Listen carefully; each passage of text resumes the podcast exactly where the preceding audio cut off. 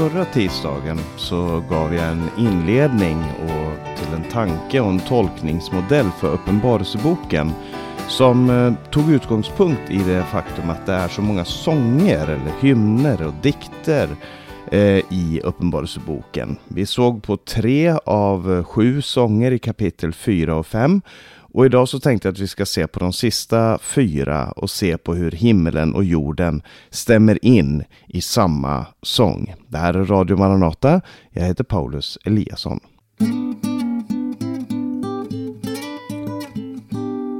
Om du inte hörde förra veckans program så skulle jag rekommendera att du går tillbaka och, och lyssnar på den. Eh, då jag tog upp om de tre första sångerna eller hymnerna i kapitel 4 till eh, 7 i eh, Johannes uppenbarelse. Men eh, det som eh, är poängen här det är att det finns sju sånger. Eh, det finns egentligen många fler sånger eller hymner, proklamationer, eh, kalla det vad du vill i, eh, i uppenbarelseboken världen.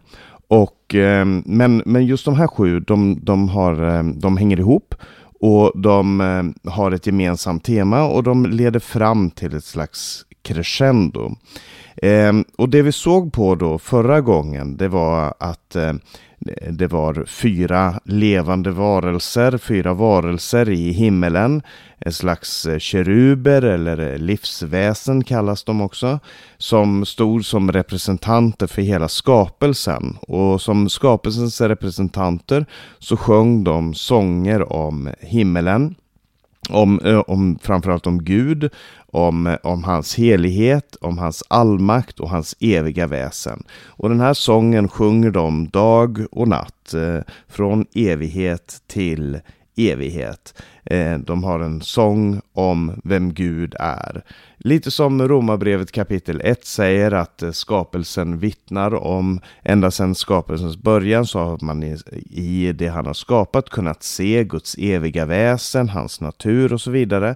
Så finns de här representanterna då i himmelen som bär fram Guds lovsång. Psalm 19 säger också det, att den ena dagen talar till den andra, eh, vittnar om eh, Guds skaparkraft.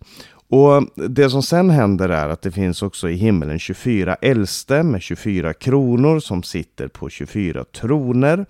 Eh, och som jag tolkar det så handlar det om representanter för Guds folk. Alltså det ena är då representanter för skapelsen, eh, allt det Gud har skapat. Och det andra är representanter för Guds eget folk, Israel och eh, Guds församling. Eh, och de här, de som sitter då på sina troner och som eh, har sina kronor på, de har alltså en värdighet både som präster och, och kungar på, eh, i himmelen. Men de kastar sina kronor ner inför eh, han som sitter på tronen och de kastar sig själva ner inför honom som sitter på tronen. Så de lämnar sin tron och sin, sin eh, kungavärdighet och överlämnar sin eh, makt, sin kraft åt honom som de har fått sin makt och kraft ifrån. Och de bekänner att Gud är värdig därför att han har skapat. Sen då så kommer en gemensam sång ifrån både de fyra levande varelserna och de 24 äldste.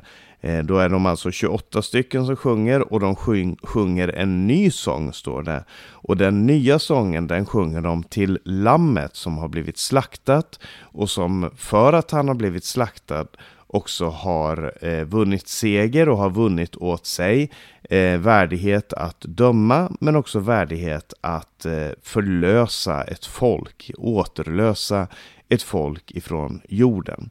Det läste vi om i kapitel 5 Eh, Eh, du har gjort dem, slutar den sången, till ett kungarike och till präster åt vår Gud och de ska regera på jorden. Det är vers 10.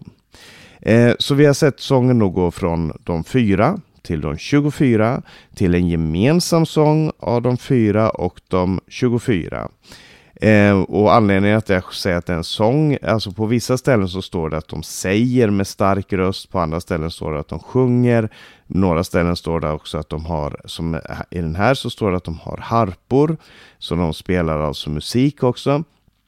Eh, och, eh, men, men alla de här begreppen är begrepp som, även där det står sade med stark röst på grekiska, så är det begrepp som används som eh, sånger och deklamationer eller att, att man ja, deklamerar någonting med en, med en högtidlig röst. Så jag, jag har valt att kalla det här för, för sånger. Eh, men då eh, efter den här tredje sången så står det så här ifrån den elfte versen. Och jag såg och jag hörde rösten av många änglar runt tronen och varelserna och de äldste. Deras antal var tiotusen gånger tiotusen och tusen gånger tusen. Och de sa med stark röst, Lammet som blev slaktat är värdigt att ta emot makten, rikedomen, visheten, kraften, äran, härligheten och lovsången. Så här eh, här utökas den här lovsången med en väldig, väldig kör. Så först var de fyra, så var de 24, så var de 28, men nu står det 10 000 gånger 10 000 och 1.000 gånger 1.000. Eh, och på grekiska så, så, är de här talen lite som om vi skulle säga, faktum är att vårt uttryck myriader hämtas ifrån ifrån grekiskan och det är precis det ord som används här, myriaders myriader. Eh, och det kan förstås som tusen gånger tusen och tiotusen gånger tiotusen, men det är lite mer som vi hade använt uttrycket myriader eller massor eller mängder av änglar.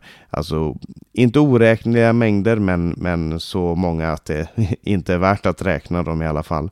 Eh, och det är ju intressant då att se att hela himmelen stämmer in. Eh, när, när lammet får ta emot sin lovsång så är det inte bara från en begränsad grupp, det är inte inom en begränsad ehm, eh, krets som den här sången når ut, utan den når ut till miljoner av änglar i himmelen som ropar och då står det med hög röst, de som med stark röst och det förstår man ju om det har gått från senast då 28 stycken till nu ja, miljoner av änglar. Och en sak som man ska lägga märke till är ju att när man läser det Nya Testamentet så står det mycket om, eh, eh så, så, så, så, finns det många lovsånger. Framförallt här i Uppenbarelseboken finns det lovsånger till Kristus, hymner. Men det finns också några andra, de finns framförallt i aposteln Paulus brev. Dels har du sådana här doxologier som det kallas, som är sådana här honom som har skapat alla ting, honom var det ära, makt och tillbedjan i evigheternas evigheter. Det är en sån typisk eh, formulering, det kallas, det kallas också för, ofta för, för just doxologier. Eh, vi kan ta till exempel i Romarbrevet 11.36 så står det av honom, genom honom och till honom är allting. Hans är äran i evighet. Amen.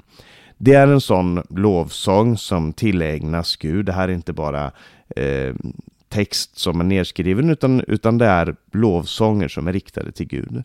Men sen finns det också till exempel i Filipperbrevet kapitel 2, i Kolosserbrevet kapitel 1, i första Timoteus 3, så finns det eh, hymner. Eh, alltså, det står ju inte att eh, här kommer en sång eller och det står heller inte att här är det, eh, det här ska sjungas på det här och det här sättet. Men eh, det är skrivet på ett versmått som gör att vi förstår att det är skrivet med tanke på att vara hymner eller sånger. Och då kan det antingen vara så att eh, aposteln då, i det här fallet Paulus i alla de här tre fallen, eh, att han citerar sånger som fanns i församlingen som han kanske hade lärt dem för att de skulle minnas dem. Och som, eller som han hade, eh, ja, som han hade på ett eller annat sätt gett dem. Eller så är det här första gången som han, som han nämner de här sångerna. Men, men i alla fall så är de formulerade på ett sätt så att de ska kunna användas, verkar det som, i en, eh, till exempel en gemensam uppläsning. Och det som är intressant med de här sångerna som jag nämnt då i, i Filipperbrevet kapitel 2 där vi har det här var så till sinnes som Kristus Jesus var. Han som eh, han var till i Guds gestalt men räknade inte jämlikhet med Gud som ett segerbyte. I Filipperbrevet 2 så handlar det om vem Jesus är, vilken härlighet han hade, eh, hur mycket han ödmjukade sig och vad det har resulterat i i hans härlighet. Eh, I Kolosserbrevet kapitel 1 så finns det en, en liknande sång och den handlar om att Jesus är eh, att han är den största, att han är den främste, han är den förstfödde, han är den, här står det, han är den osynlige Gudens avbild, förstfödd före allt skapat. Och, och, så beskrivs Jesus som skaparen av universum. Och i första Timoteus 3.16 naturligtvis så har du det här, han Eh, det står så här, erkänt stor är gudsfruktans hemlighet. Han blev uppenbarad i köttet, bevisad rätt, rättfärdig genom anden, sedd av änglarna, predikad bland folken, trodd i världen, upptagen i härlighet. Allt det här för att säga att sångerna i Nya Testamentet handlar om Jesus. Eh, de handlar om vem han är som person, hans gudomlighet, hans eh, gudomliga väsen och hans mänskliga väsen eh, hans offer för synder, hans preeminens, alltså att han är framför allting som är skapat. Och, och eh, det är det som sångerna handlar om. Det var sånger som församlingen sjöng och som man lärde varandra. Det var sånger för att berätta vad är det vi tror på om Jesus.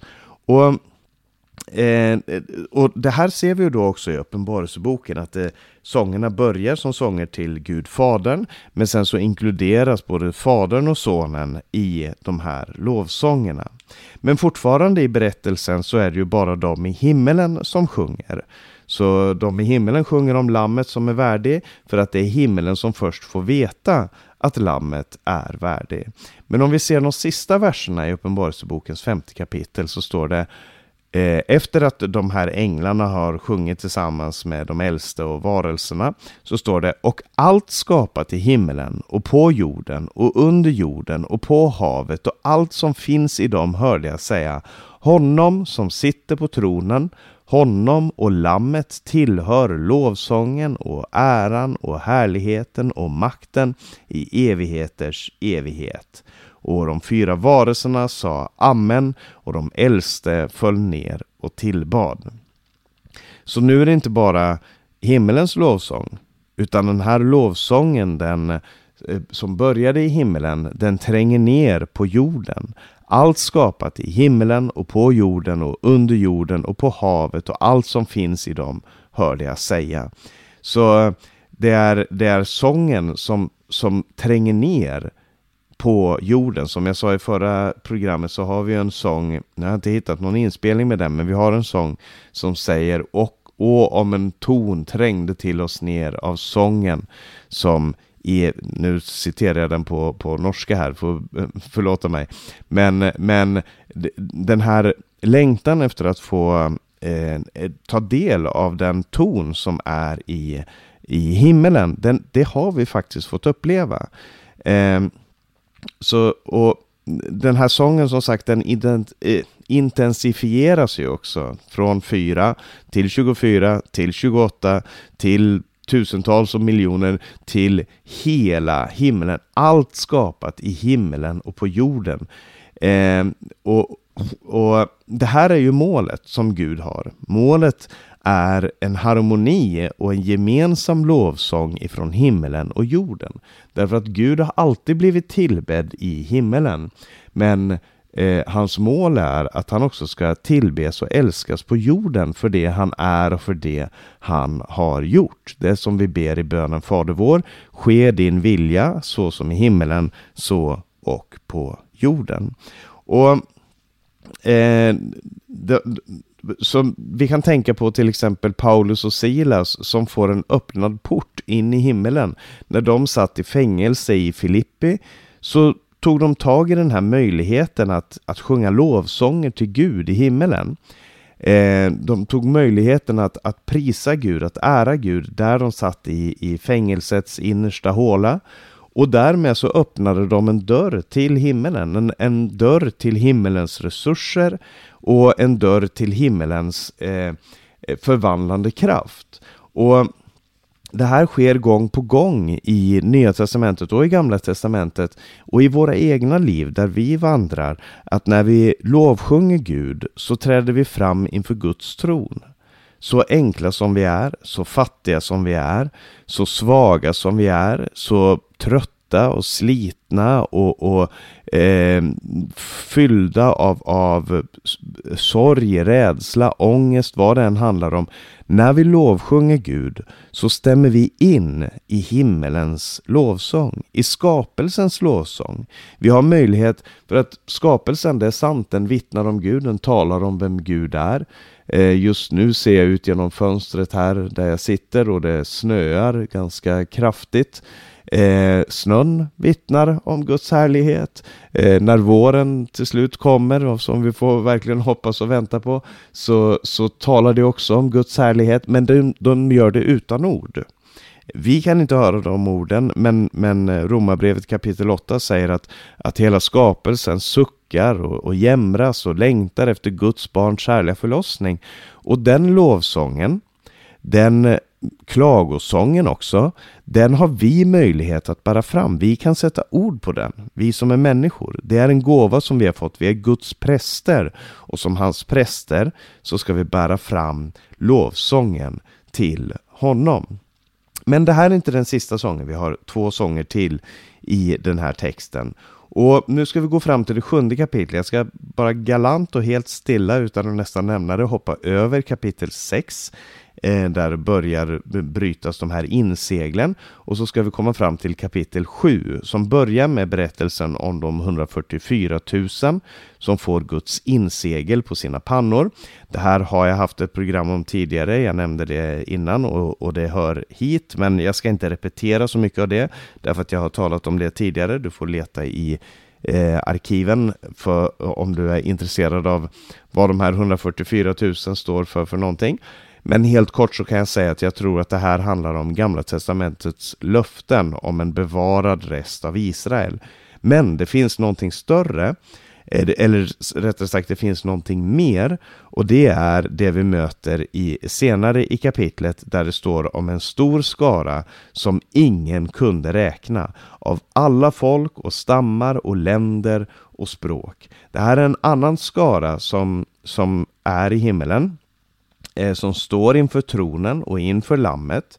Och eh, är de förlossade i himmelen? Ja, det verkar så. Eh, det verkar som att de verkligen är en, en stor skara som befinner sig i himmelen.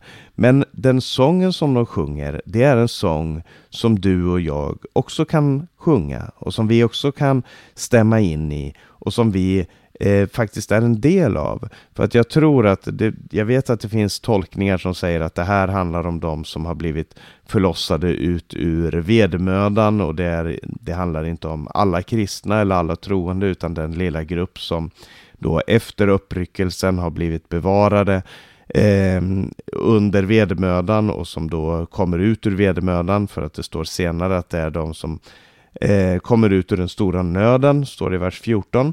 Men jag tror att den stora nöden är den tiden som är mellan eh, Jesu uppryckelse och eh, Jesu återkomst. Eh, en tid som vi faktiskt går igenom eh, med, medan vi ska faktiskt frälsas bort ifrån vreden och att uppryckelsen sker innan vreden. Nog om det, det var inte det jag skulle tala om.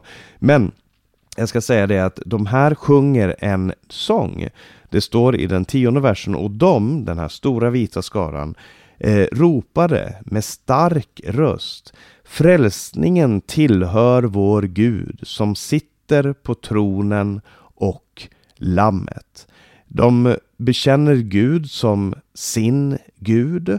De, eh, eh de eh, eh, talar om, om Gud som frälsaren och de bär fram samma lovsång till Gud och till Lammet. Och det är ju den överraskande eh, verkligheten här att eh, i Nya Testamentet så får vi lära oss om att Jesus, han som är Lammet, också är Gud. Att ordet blev kött och tog sin boning ibland oss, att ordet var Gud, men ordet blev kött.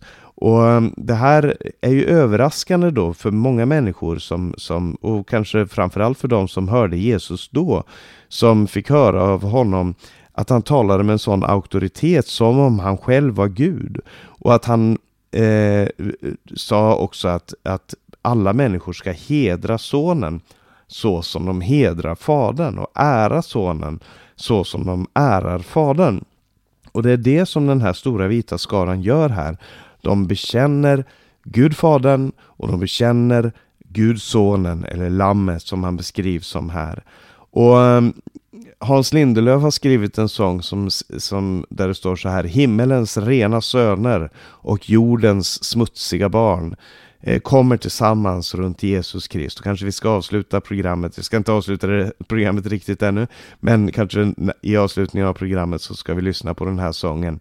Himmelens rena söner och jordens smutsiga barn. Och det är helt sant att vi kommer ifrån jordlivets natt, som en annan sång säger så träder det fram en skara, men den skaran är inte längre jordens smutsiga barn, utan den skaran är nu renad i Lammets blod och står och sjunger inför honom. Eh, och, och, det intressanta är ju att eh, jag sa himmelens rena söner och jordens smutsiga barn, därför att när de här människorna sjunger Lammets, eh, sjunger till eh, Gud och Lammet, så står det i den elfte versen och alla änglarna runt tronen och de äldste och de fyra varelserna eh, eh, föll ner på sina ansikten inför tronen och tillbad Gud och sa Amen.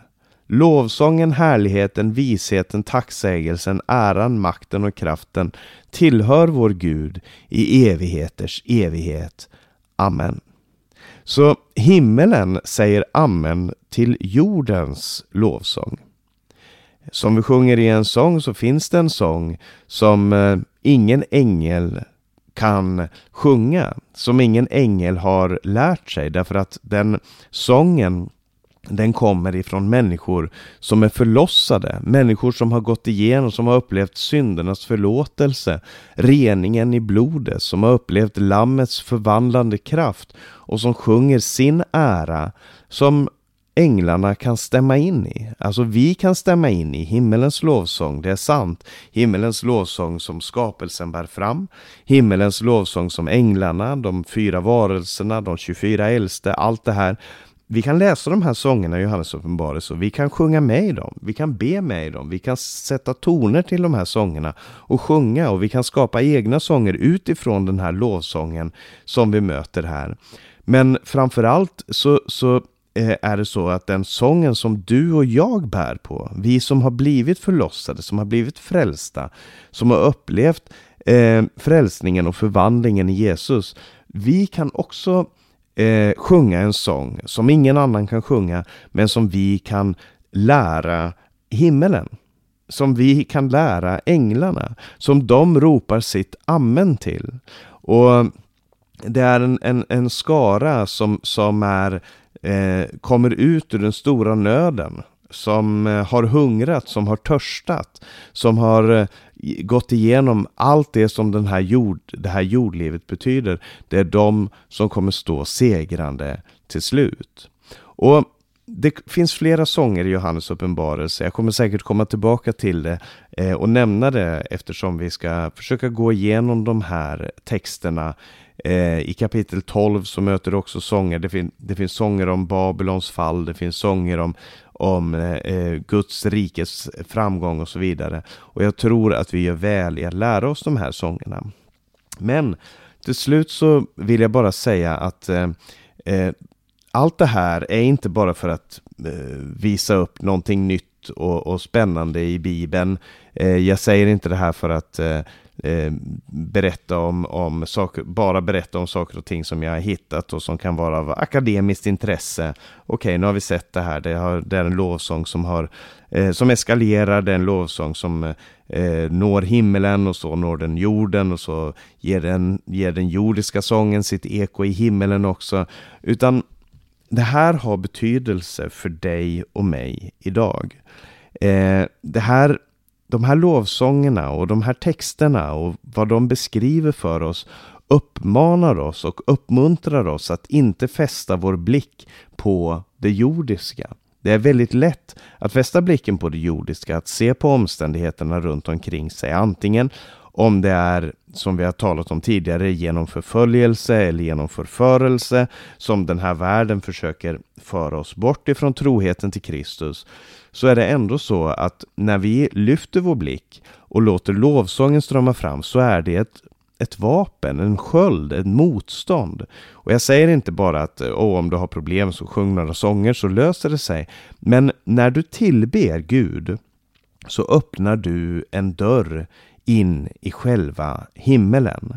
Eh, och det är inte betydelselöst. Det är inte kraftlöst. Det är inte utan sin betydelse för din vardag. När du drar på jobbet, när du är i skolan, när du möter din granne, när du är ute och går, när du är i affären, var du än är, så, så finns den här möjligheten alltid att öppna en port in i himmelen och höra de här lovsångerna. Han är värdig, han, lovsången, härligheten, visheten, tacksägelsen, äran, makten och kraften tillhör vår Gud. Eh, du, när, du, när du stämmer in i de sångerna så öppnar du verkligen en dörr till himmelen. Du stämmer in i deras sång och de stämmer in i din sång. Och du kan få uppleva det i ditt liv att himmelens änglar ger en, Eh, ett eko, en, ett återklang i ditt eget liv. Och jag undrar om inte det här förändrar vår inställning till Uppenbarelseboken. För det är det jag hoppas med den här serien där vi gör ett nytt besök i Uppenbarelseboken. Att vi ska få ett, en ny blick på det här så att vi inte längre ser Uppenbarelseboken som någonting skrämmande utan som det verkligen är menat att vara någonting tröstande och någonting uppmuntrande och någonting som kan öppna våra ögon för hur härlig Gud är. Och det hoppas jag att jag har kunnat vara med och hjälpa till med i det här programmet. Och jag hoppas att det ska vara vår erfarenhet i de kommande programmen också. Amen.